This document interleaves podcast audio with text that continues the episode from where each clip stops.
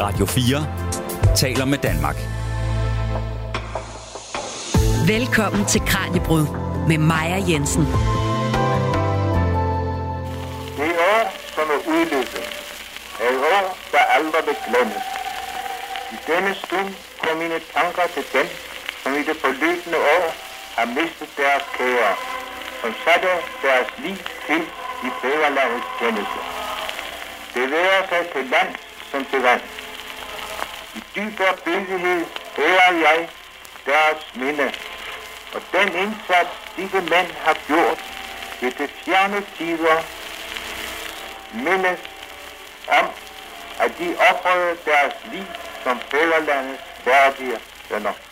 Den 9. april 1940 rullede tyske kampvogne ind over den danske grænse. Flyvemaskinerne lød over de fleste større byer fra tidlig morgen, og på gaden kunne danskere over hele landet samle små flyveblade op med ordene opråb til Danmarks soldater og det danske folk. Da dagen var omme, var 16 soldater døde, 16 danske soldater døde, og landet var besat. 2. verdenskrig var kommet til Danmark. Nogle dage, de er bare vildere end andre. De sidste 100 års Danmarks historie er fuld af den type dage, som står helt centralt i vores bevidsthed. Dage, hvor begivenheder fandt sted, som fik enorme politiske, samfundsmæssige og økonomiske konsekvenser, som på afgørende måder var med til at skabe det Danmark, vi lever i i dag, og som fik afgørende betydning for generationer af menneskers liv.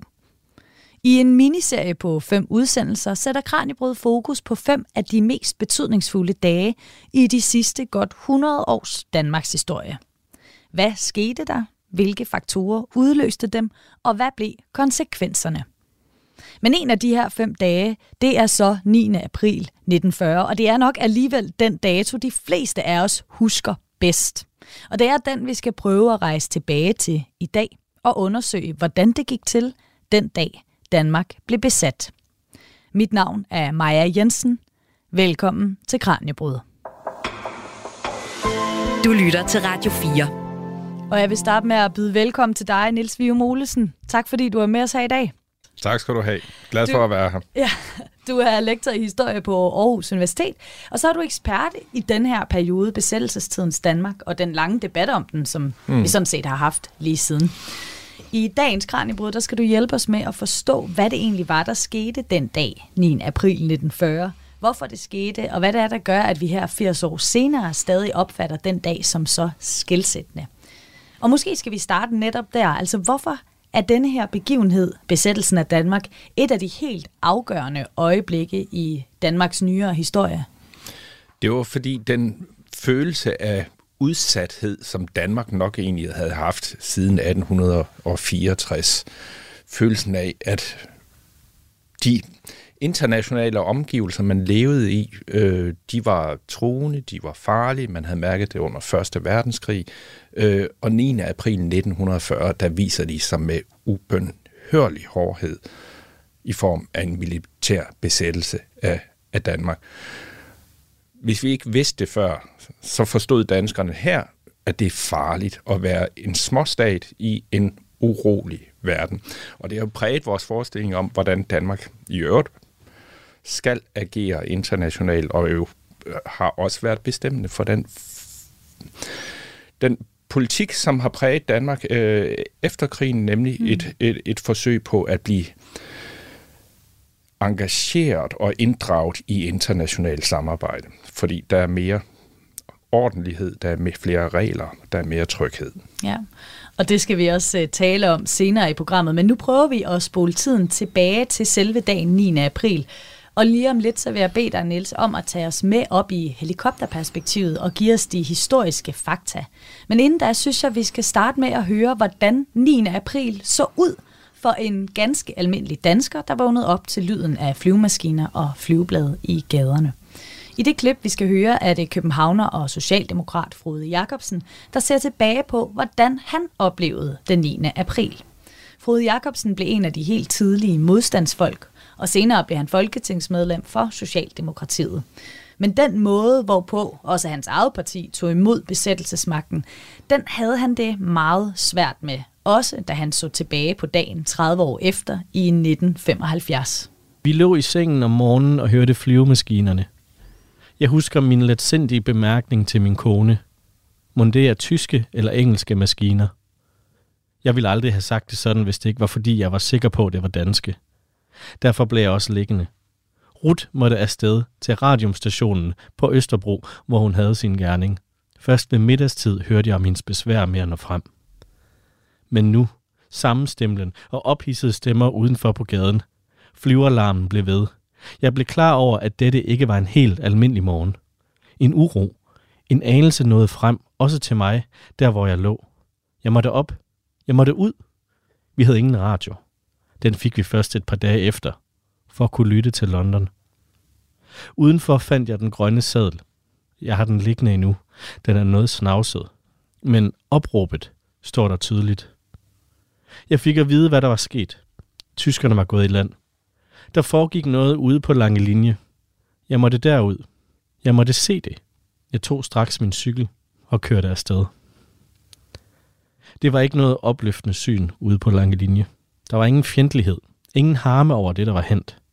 De tyske vagtposter stod overalt. Alt var i ro. Men det, der harmede mest, klynger af folk stod rundt om de tyske soldater. De snakkede, de smilede, de gav tyskerne cigaretter. De var ivrige for at vise naboer, at de kunne noget tysk. Jeg gik fra gruppe til gruppe, lyttede, registrerede reaktionen. Harmen tog overhånd. De måtte foragte os. De skulle vide, at det her ikke var et udtryk for det folk, jeg hørte til. Jeg trådte ind i sådan en klynge og sagde højt og indigneret til tyskeren, Sie verstehen wohl, dass dies nicht das dänische Volk ist, sondern der dänische Popel. Han så forbløffet på mig. Vil jeg blive arresteret? Eller var det som om han forstod mig? Det var ingen ung mand. Han foretog sig ingenting. Danskerne så dels vrede, dels beskæmmede ud. Det var nok klogere, at jeg fortsatte min gang. Og det her var altså et tilbageblik på morgentimerne 9. april 1940, som fortalt af socialdemokrat og modstandsmand Frode Jacobsen i 1975, indtalt af min kollega Andrew Davidson, og med tak til Danmarkshistorien.dk for kilden. Nils, den her beskrivelse, som Frode Jacobsen laver af danskernes reaktion på den tyske besættelse, hvor historisk korrekt er den? Var danskerne virkelig så velkomne over for besættelsestropperne, som han beskriver her? Øh, det, som beskrives her, altså dels skal vi jo være opmærksom på, at Frode Jacobsen jo altså også erindrer. Og, altså, og at det er i øh, det retrospektive lys, han ser det her i. Øh, men der er også mange fine nuancer, synes jeg, i det, han øh, forklarer her. Der var knap 4 millioner danskere på det tidspunkt, og de reagerede jo forskelligt. Han taler om en, en, en forsamling af mennesker her, øh, og, og, og gør dem nærmest til ét.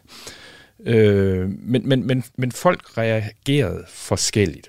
Det Frode Jacobsen jo fortæller, det er det her København, som forfatteren Knud Sønderby har sagt, København, der blev besat i nattøj. Det, det, det tog 3-4 timer, ja. så var København øh, besat, og folk var ikke kommet ud af, af deres nattøj. Det er en uvirkelig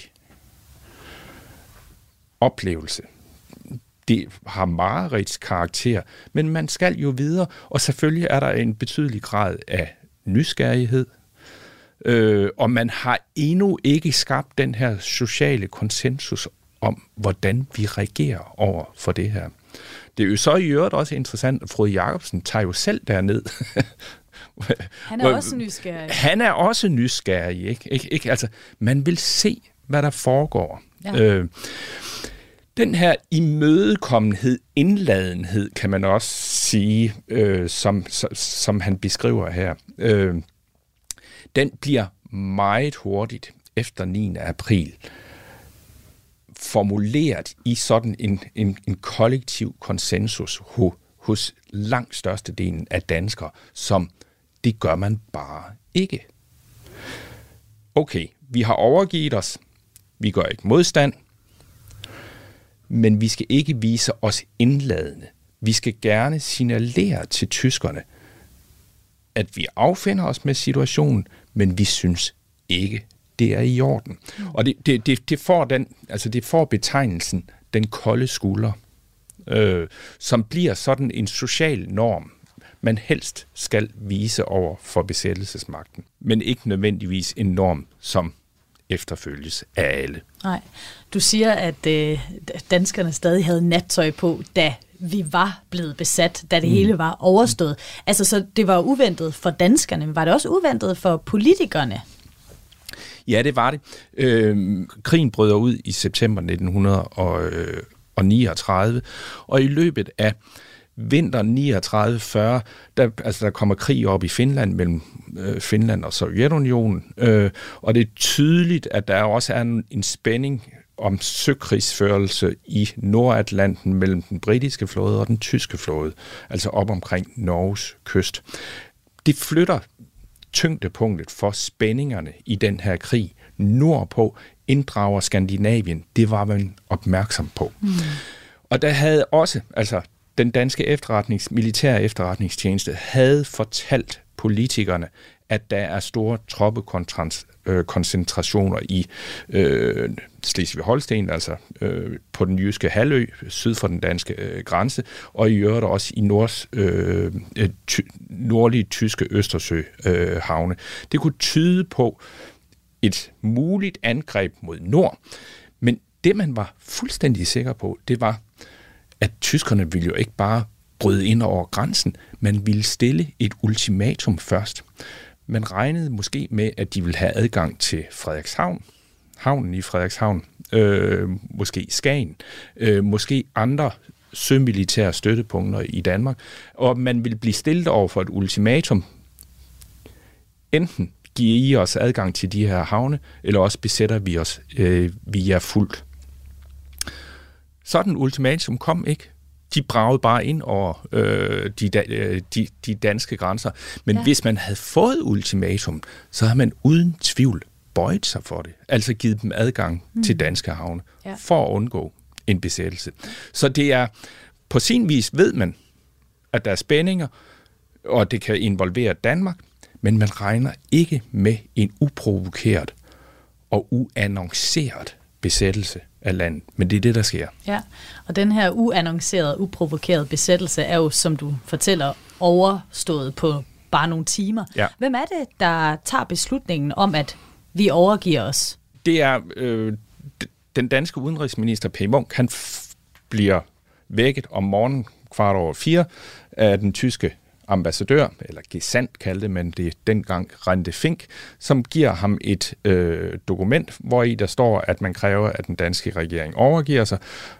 På den måde vil man kunne undgå unødige blodsudgydelser, som, øh, som han siger, øh, og Danmark kan fortsætte som et frit land, hvor i dog den tyske her, søvand og luftvåben overtager den militære beskyttelse af Danmark. Altså det vil sige et land, der kan få lov til at fortsætte med sine øh, politiske institutioner intakt, men hvor den tyske militær overtager øh, magten, den militære væbnede magt øh, i, i landet. Og så øh, det fører til, øh, P. Munk, udenrigsministeren, siger, at det kan jeg ikke tage stilling til på egen hånd.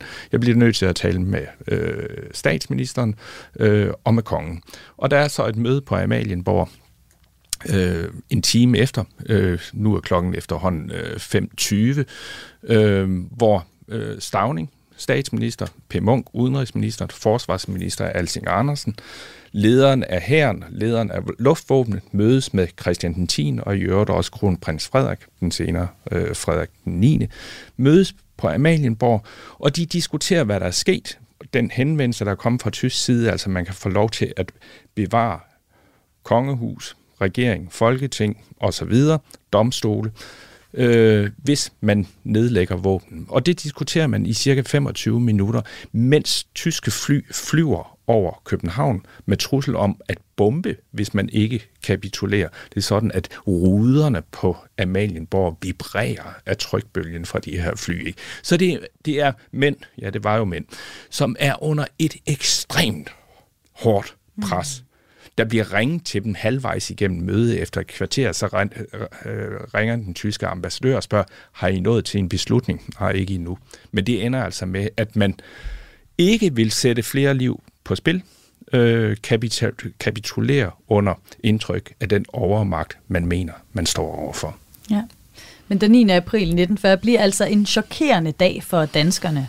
Men hvad gik egentlig forud for besættelsen, og burde de danske politikere og det danske forsvar ikke have set den komme? Det skal det handle om nu. Du lytter til Kranjebrud på Radio 4. Vi rejste tilbage i tid til den 9. april 1940 sammen med historiker Niels Vium Olesen for at forstå, hvorfor besættelsestiden stadig i dag, 80 år efter, regnes som så vigtig en begivenhed. Og Niels, vi skal faktisk lidt længere tilbage i tiden for at forstå, hvordan vi overhovedet kom dertil, altså til at Danmark blev besat. For når man ser på det i bagklogskabens lys, så virker det jo som en ret sandsynlig udvikling, som du egentlig også fortalte om før, at Danmark ville blive draget ind i den her krig. Men hvordan med datidens forsvar og regering havde man slet ikke set det komme? Jo, altså, man, man havde jo i hvert fald øh, frygten, og man kan sige, at det politiske spektrum deler sig op øh, i to, hvor den ene, og det er den siddende regering af socialdemokrater og radikale, de mener grundlæggende, at øh, i stedet for at have et, øh, et stærkt forsvar, som alligevel ikke vil kunne forhindre en tysk øh, besættelse, så må man i stedet for satse på sociale reformer, der giver et så stærkt dansk samfund, at man faktisk vil kunne overleve en besættelse med kulturen, befolkningen og demokratiet i behold. Så er der andre, øh, og det er nærmest kun det konservative Folkeparti, der, der, der bærer det synspunkt. De mener, at Danmark er nødt til at være neutral. Deri var de enige med regeringen, men vi bør have et stærkt forsvar, fordi vi dermed viser viljen til at forsvare os selv. Der mente regeringen så i stedet for, at vi viser viljen til at være en nation ved at have en demokratisk kultur. Det var ligesom de to synspunkter, øh, der var. Men spørgsmålet er jo, kunne et stærkere forsvar have forhindret en besættelse? Mm. Og der er svaret jo med det er jo kontrafaktisk. Vi kan ikke vide det med 100% sikkerhed. Men svaret må med al sandsynlighed være, at nej, det kunne den ikke.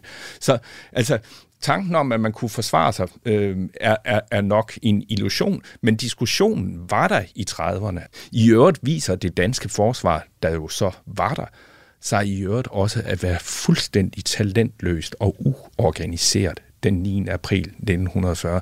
Det er et af de store tabuer. Ja. Det, var, det var der ikke ret mange, der har turet og vil sige. Men kan man pege på, hvis skyld det var, at vi blev besat så hurtigt? Ja, det kan man, og jeg elsker spørgsmål, og hvor har jeg glædet mig til det? Ja, det var tyskernes skyld. altså, det er faktisk super vigtigt ja. at huske det. Ja. Det var tyskernes skyld. Det var tyskernes skyld. Øh, og der kan man sige, altså, og ikke dermed sagt, at der jo ikke var et blame game mm. bagefter. Altså, hvis skyld var det i Danmark, at Danmark øh, blev besat. Ikke?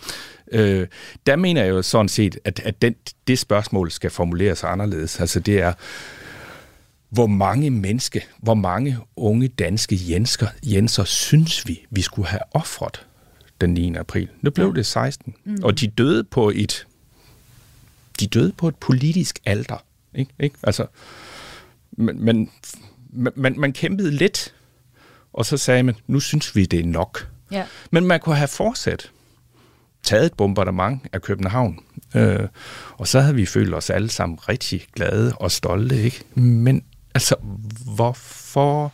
Altså, ja. det er jo en diskussion, man kan have, og, og, og, og jeg mener, altså, man kan jo godt tage det synspunkt, at man synes, at 500, 600, 700.000 københavner øh, skulle have lidt øh, døden 9. april det skete faktisk i, i Rotterdam i Holland, altså hvor, hvor man fik et bombardement af Rotterdam, der døde cirka 300. Øh, og så overgav hollænderne sig. Var det den pris, man skulle have taget? Mm. Det er et færre synspunkt, øh, men man skal jo ture moralsk og stå ja. på mål for det. Og, se.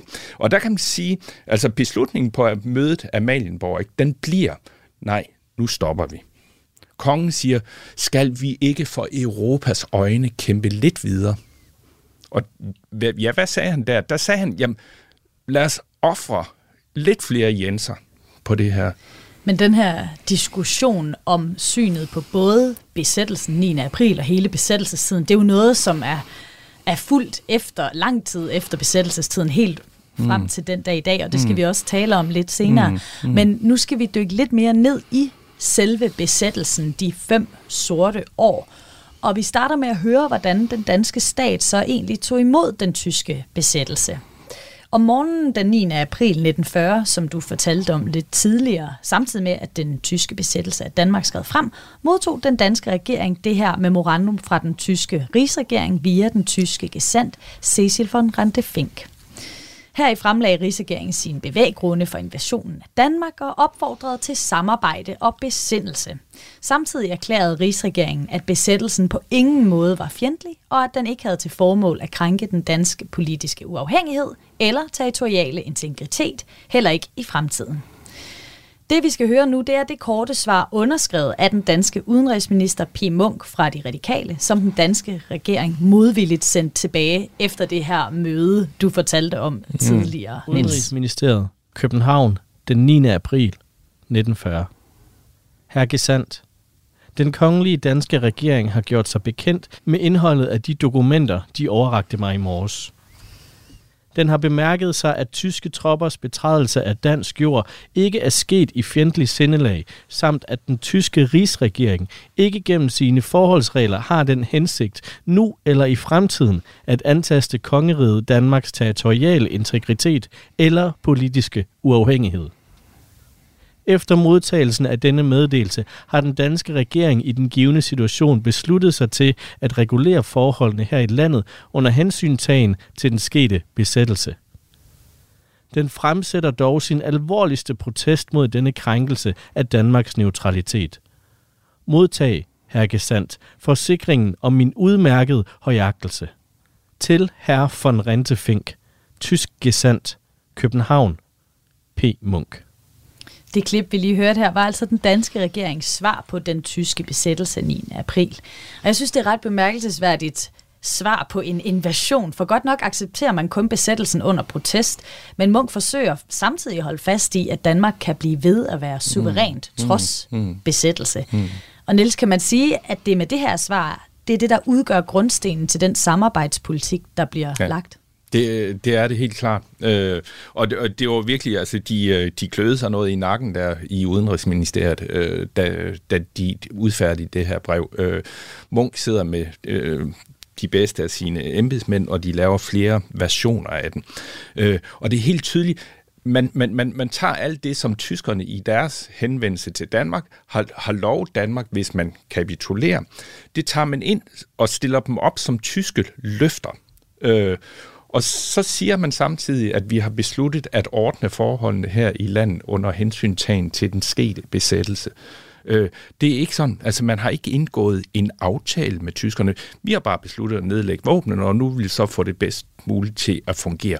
Det er ikke en aftale med tyskerne. Og så slutter han med, vi indgiver dog den alvorligste protest, altså underforstået, vi er stadig sure. Ikke, ikke? Altså, der er sådan en forurettelse, øh, og, og, og det er jo altså et forsøg på at holde fast i den fredelige, demokratiske øh, samfundsorden og fortælle tyskerne, det synes vi er for groft. Øh, og det kan tyskerne jo på mange måder være fuldstændig ligeglade med, fordi nu har de i hvert fald den fysiske øh, magt i landet. Men det viser sig faktisk, at den samarbejdspolitik, der faktisk bliver etableret her, den fungerer på de her betingelser. Altså man lader som om Danmark stadig er et frit land. Det vil sige, man, man, man, man kommer ikke med ordre til Danmark. Man er i en forhandlingssituation, som om Danmark stadig er et frit land. Øh, og Danmark føler sig endda forurettet. Og det påvirker tyskerne i den her øh, relation. Det giver en masse fordele for Danmark, altså at man kan beskytte befolkningen med det politiske, demokratiske øh, system, man har. Det giver, altså, det giver faktisk utrolig store fordele for Danmark. Men det er det her forfærdelige dilemma ved det, som jo også kommer til at nære den modstandsbevægelse, der opstår to-tre år senere. Og det er, at hvis Danmark, hvis man leger med på lejen, at Danmark stadigvæk er et frit, suverænt land, så er de indrømmelser, man giver til tyskerne jo til synligheden også givet frivilligt. Oha, ikke? Mm. Altså, så har vi det moralske dilemma. Altså, hvis vi er frie, så må de indrømmelser, vi giver tyskerne, være frivillige, så er vi meddelagtige i de uhyrlige forbrydelser, som Tyskland begår i Europa. Når vi samarbejder og accepterer den her besættelse, og også kommer med de her, øh, altså hjælper dem lidt, siger nu i gåsøjen, fordi det er lidt et farligt ord at bruge måske, men er vi overhovedet i krig med Tyskland? Er Danmark Nej. overhovedet i krig med Tyskland? Nej, Danmark har ikke været i krig med Tyskland, øh, og det er faktisk noget af det, man, man aller... Øh, det er en af de stærkeste bestræbelser, der hele taget foregår, ja, var foregået i 30'erne, eller man kan sige faktisk siden 1864, Danmarks udenrigspolitik går ud på, at vi må aldrig komme i krig med Tyskland. For hvis vi kommer i krig med Tyskland, det var analysen, så hører Danmark op med at eksistere. Øh, og nu har tyskerne besat øh, Danmark, men der har ikke været krig. Ja, man kom til at, at skyde lidt øh, på hinanden, og der er døde nogle soldater på, øh, på begge sider, men man har ikke været i krig. Der har aldrig været erklæret en øh, krig. Det indebærer så også, at der er ikke nogen, der har vundet, der er ikke nogen, der er de besejrede. Altså kan man stadigvæk opretholde den her lille illusion om en form for ligebyrdighed mellem de to magter. Modsat, som det for eksempel sker i Norge, hvor der kommer krig. Og Norge, i øvrigt Holland, Belgien, Polen, Frankrig, de er forbandet besatte lande, der har tabt en mm. krig, og de behandles som de er besejrede. Det sker heller ikke i Danmark, for man har ikke været i krig. Vi kom til at skyde lidt på hinanden, men altså, men det, kun det glemmer, et par timer, så kun et par det timer, det glemmer vi, og det var, det var et uheld nærmest. Ja. Ikke? Hvordan foregår samarbejdet så mellem den danske regering og besættelsesmagten? Grundlæggende så, altså, så foregår samarbejdet ved, at ty, øh, tyskerne sender en skrivelse, kunne vi måske få et foretræde for den danske udenrigsminister og tale øh, om nogle bestemte ting, der ligger os på sinden. Altså, man indleder en forhandling, øh, som antager formen som en normal politisk forhandling, men begge parter ved jo godt, at tyskerne ligesom har lidt flere kræfter i det her spil. Og i sidste ende jo har våbnene. Altså Danmark forhandler med en pistol for tændingen. Ja. Men man forhandler dog alligevel. Øh, og det giver nogle muligheder, men jo igen, det her skær af frivillighed, der er over det. Ikke? Ikke? Altså, man vælger at indgå i det her forhandlingsspil. Der kan man sige, altså det gør alle andre besatte lande også, men de forhandler som sådan egentlig ikke. Altså de er mere udsat for tyske krav. Mm. Øh, og, og derved er der jo ikke den samme grad af frivillighed, men, men de får også en langt hårdere besættelse, og befolkningen bliver undertrykt. Øh, der kommer næring til deres lokale nazister, der bliver sat ind som marionetregeringer osv., blandt andet i Norge. Ja, men Danmark er altså på den måde med til at understøtte tysk krigsførelse, både økonomisk, politisk mm. og med soldater. Men hvornår ser vi, at der opstår en egentlig modstandsbevægelse. Og hvem er det, der befolker den i de første år? Ja.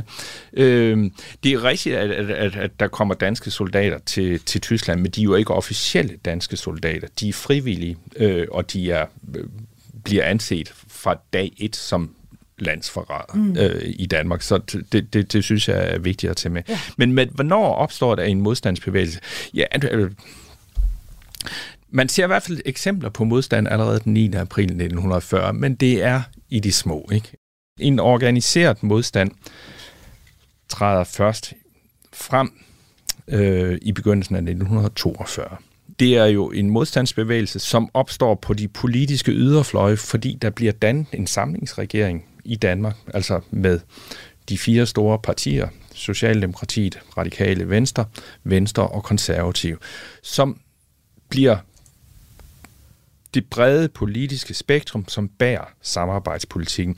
Så derfor den modstandsbevægelse, der opstår, den opstår på de politiske yderfløje. Det er blandt andet de danske kommunister. Så er der på højrefløjen en sådan national-konservativ øh, modstandsbevægelse også, som også træder frem i løbet af 1942. Det er delvis sådan et, et, et tabu, og det har været svært at tale om, altså at det faktisk er ikke-demokratiske kræfter, der starter øh, den danske modstandsbevægelse.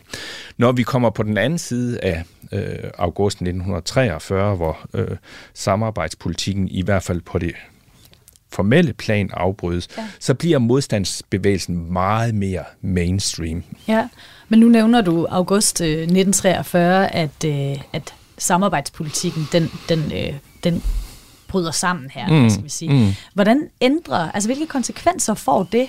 Man kan sige, at da, da samarbejdspolitikken bryder sammen, altså da regeringen og i øvrigt også kongen øh, træder tilbage eller ophører at fungere 29. august 1943, så går Danmark ind, altså Danmark bliver, har jeg sagt, europæiseret.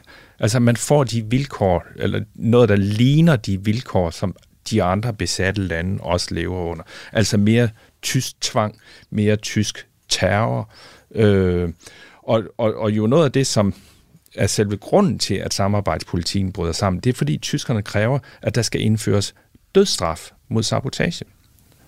Og da det jo var den danske regering, der stod for retsvæsen, domstole, fængselsvæsen, så var det altså den danske regering, der skulle indføre dødsstraf mod sabotage.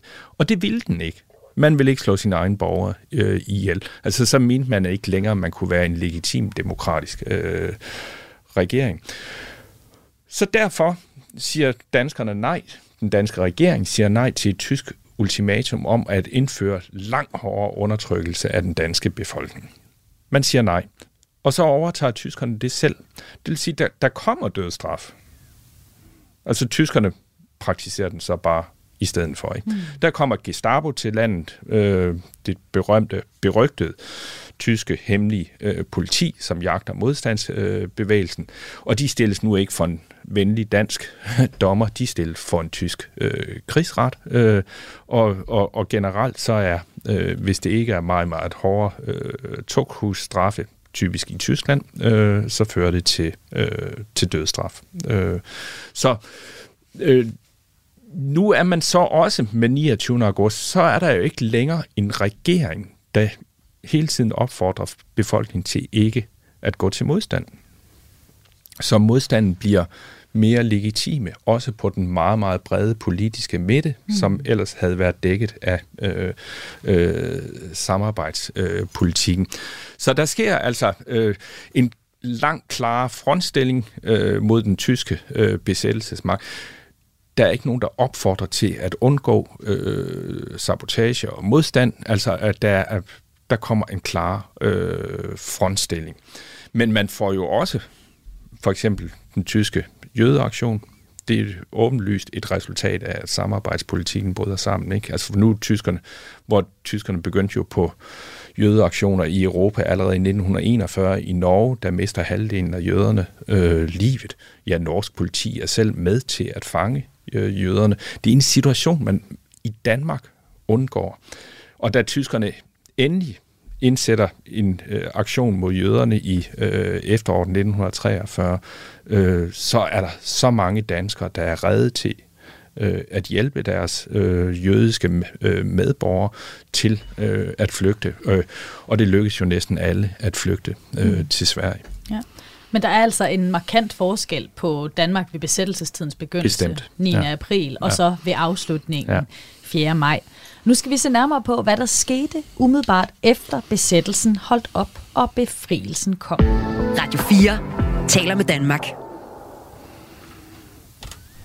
Her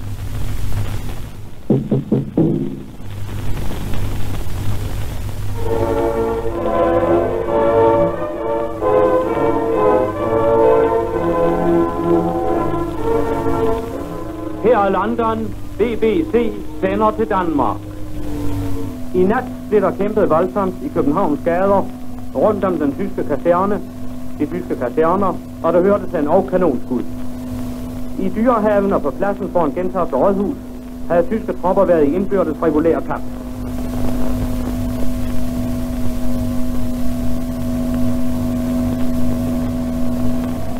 I dette øjeblik meddeles det, at Montgomery har oplyst, at de tyske tropper i Holland, Nordvest-Tyskland og i Danmark har overgivet sig.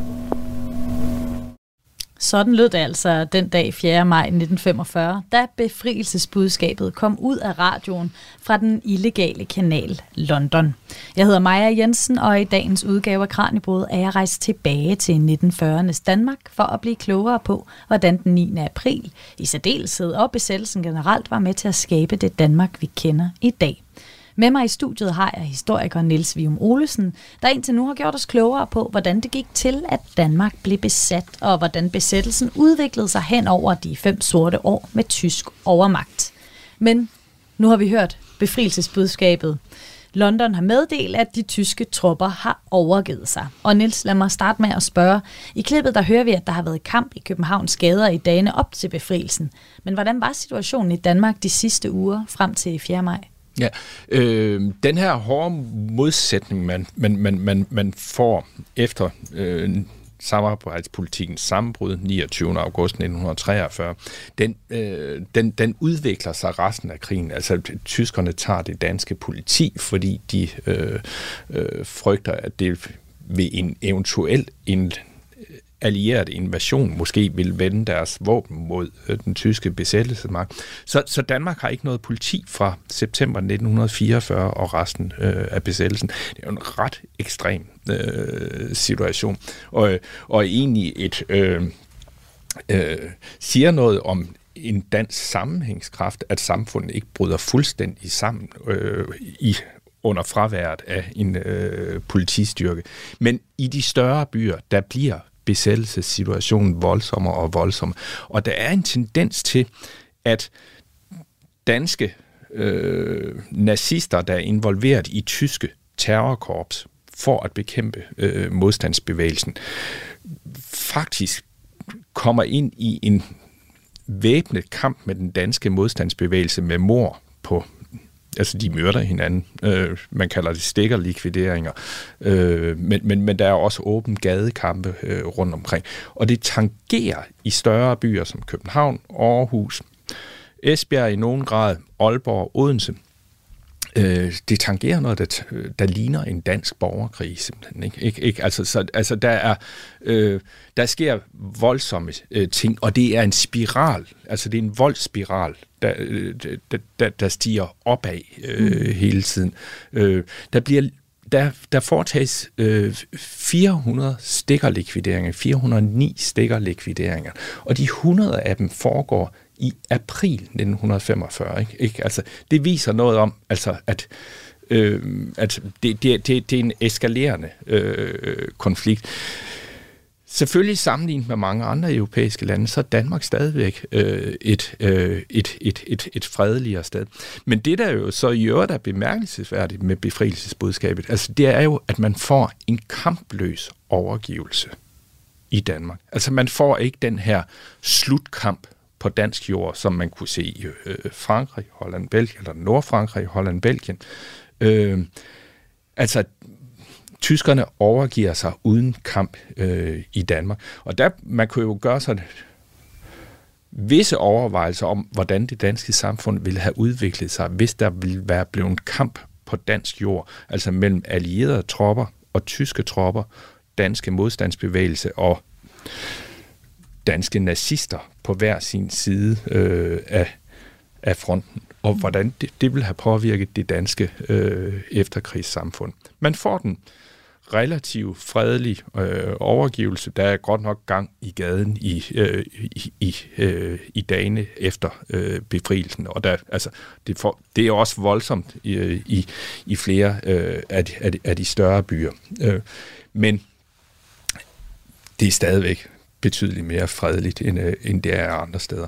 Og man får jo så i øvrigt, altså der træder en dansk regering til, som er et kompromis mellem det, man kalder de gamle politikere, altså dem, der havde drevet samarbejdspolitikken, og ledende modstandsfolk. Øh, øh, de danner en befrielsesregering, en samlingsregering, øh, som skal, ja, dens primære opgave er at sætte gang i et retsopgør, og så i øvrigt at få holdt frie valg hurtigst muligt, og det bliver i oktober 1945. Ja. Så der bliver altså sat gang i at få udfyldt det her øh, magtvakuum præcis, lige efter krigen. Præcis. Men ret hurtigt går man jo også i gang med et fælles fortællelse om Danmark mm. under krigen. Altså, hvordan laves den første øh, historieskrivning efter krigen? Hvilket fælles narrativ er det, man får skabt ja, ja. af Danmark? Øh, altså, der er det jo faktisk super vigtigt netop med den her samlingsregering, der dannes. Øh, fordi der, altså, der kan man sige, der, der politikerne anerkender modstandsbevægelsen, de har bekæmpet under øh, besættelsen, øh, og modstandsbevægelsen anerkender øh, politikerne, som de mente havde samarbejdet øh, for meget. Altså, det er et, et, et rigtigt, måske endda et rigtigt dansk politisk kompromis. Øh, men det betyder enormt meget, dels for den overgang, man får ind i, i freden, og at det bliver relativt øh, fredeligt, men det kommer jo også til at påvirke de fortællinger, der laves, ikke? fordi det ligner jo et, et, et fredeligt og enigt dansk samfund, som øh, træder ind øh, i freden. Og det er, man kan sige, altså der skabes en konsensusfortælling, som egentlig, altså jo, der var nuancer, altså om du spørger den politiske modstandsmand, øh, eller du spørger venstrebunden, så vil de... Øh, de, de, de, de vil se forskelligt øh, på det her. Men, men, men grundlæggende så har man accepteret hinanden, øh, og der, der kommer en fortælling, der, der, der, der nærmest går ud på, at øh, vi bekæmpede alle besættelsesmagten. Der var nogle få danske forrædere, nazister og Østfront frivillige, men ellers bekæmpede vi alle øh, besættelsesmagten med de midler, vi nu havde. De unge, raske gutter i modstandsbevægelsen, de havde gjort det store, farlige arbejde ude i frontlinjen med jernbanesabotage, stikkerlikvidering og satte deres eget liv øh, på spil. Politikerne gav dem opbakning, i hvert fald de sidste år øh, af krigen, Øh, og den første samarbejdspolitik, de første 3-4 år af krigen, den var sådan set, blev det påstået, en lang forberedelse til, at man var moden til at gå i modstandskamp. Øh, og hele tiden så var den danske befolkning både positivt støttende til deres politikere og til de raske drenge i øh, modstandsbevægelsen. Det er en fortælling næsten uden modsætninger. Mm. Og, og, og, og landsforræderne, de østfrontsfrivillige, de få nazister og så videre. Ikke? Altså det er dem, som ligesom, de spiller bare deres rolle i den her fortælling med, at der skal også være nogle bad guys øh, i enhver øh, god fortælling. Ikke? Men det er en fortælling, der er nærmest uden øh, modsætninger. Øh, og den er altid til at få samfundet videre. Den er også altid, øh, viser det sig jo til at få Danmark meldt ind i, øh, øh i, i NATO. Øh, den er bare forkert. Ja. Beklager. ja, og nu bevæger vi altså lidt nærmere nutiden, for nu skal vi se på, hvilke nogle nybrud, der så har været mm. i denne her mm. opfattelse af besættelsen de mm. seneste 50 år. Mm. Mine damer og herrer, den 29. august 1943 er en dato, vi bør huske. Og være stolte af. Den dag blev Danmarks ære reddet. Den danske regering stoppede langt om længe samarbejdet med den tyske besættelsesmagt og gik af. Efter godt tre års samarbejde med tyskerne blev der endelig rene linjer. Det var heller ikke en dag for tidligt. Det vi hørte her var en indlæsning af daværende statsminister Anders Fogh Rasmussens tale i forbindelse med fejringen af 60-året for ophøret af samarbejdspolitikken, som han holdt på Søværnets officerskole den 29. august 2003. Her indtalt af min kollega Andrew Davidson, og endnu en gang tak til Danmarkshistorien.dk, der har gjort kilden tilgængelig. Den her tale den vagt stor opmærksomhed tilbage i 2003, fordi statsministeren kritiserede samarbejdspolitikken under besættelsen i meget stærke vendinger. Hvornår begynder historikere og andre for alvor at gøre op med den tidligere efterkrigsfortælling om Danmark under krigen? Og hvad er nogle af de større korrektiver omkring Danmarks rolle, der kommer frem? Historikernes sådan, øh, kan man sige, øh, dekonstruktion af den konsensusmyte, der skabes lige efter øh, krigen, den, den, den finder især sted i, eller får især sådan øh, kraft i løbet af 1970'erne. Øh, og det er jo også i kraft af, at, at det er yngre mennesker, der beskæftiger sig med det, folk, der ikke selv er fra øh, besættelsesgenerationen. Øh, det gør dem jo på sin vis både klogere, men måske også lidt dummere. Ikke? altså, eller de har ikke erfaringerne. Øh, de har ikke lod og del i det. De har ikke noget, de skal øh, forsvare. Øh, så der bliver stillet mere øh, kritiske spørgsmål, og det altså, fortsætter i, øh, i 1980'erne. Øh, og så, så er der ingen tvivl om, at murens fald i 1989 øh, får en betydning, fordi nu er der ikke, altså, nu er der ikke behov for den her stærke konsensusfortælling, som også var med til at placerer Danmark godt og solidt i den vestallierede lejr i øh, NATO. Øh, man kan sige, der bliver i en eller anden forstand fri leg nu. Ikke? Ikke, ikke? Altså, øh, og nu er besættelsestiden kom endnu længere på afstand, og altså, krigsgenerationen er ikke dominerende i den offentlige samtale i, øh, i samfundet. Så øh, og, og, og nu er der, nu bliver der i højere grad også stillet moralske spørgsmål øh, i øh, forskning. De ubehagelige sider, østfrontsfrivillige og den slags, øh, bliver, øh, bliver taget frem. Øh, og der kan man sige, at øh, Anders Fogh Rasmussen, han, han står på skuldrene af den forskning, som jo i øvrigt, når det kommer til stykket, nok i, i, i nogen grad også har været øh, i højere grad præget af venstreorienterede historikere end borgerlige historikere. Og det er jo lidt paradoxalt, at venstremanden Anders Fogh Rasmussen øh, står på skuldrene af det. Og det er i den grad på steroider, da, da, da han bruger det i 2003. Øh, og så er der jo den helt centrale pointe i det. Altså det er, alle fortidsfortolkninger, de tager udgangspunkt i nutiden. Altså vores egen samtid og i nutidig behov. Øh, og, og det, som Anders Fogh Rasmussen laver her, altså det er jo selvfølgelig en øh, voldsom kritik af den gamle konsensusfortælling, men han skaber så en ny fortælling, som han skal bruge til Danmarks engagement i, øh, øh i Irak-krigen, og skaber en endnu mere forvrænget fortolkning af øh, besættelsestiden. Øh, altså, der er virkelig der er mange forkerte faktuelle ting i den her øh, tale, han laver her, øh, og der er mange meget, meget firkantede analyser. Ikke? Ikke?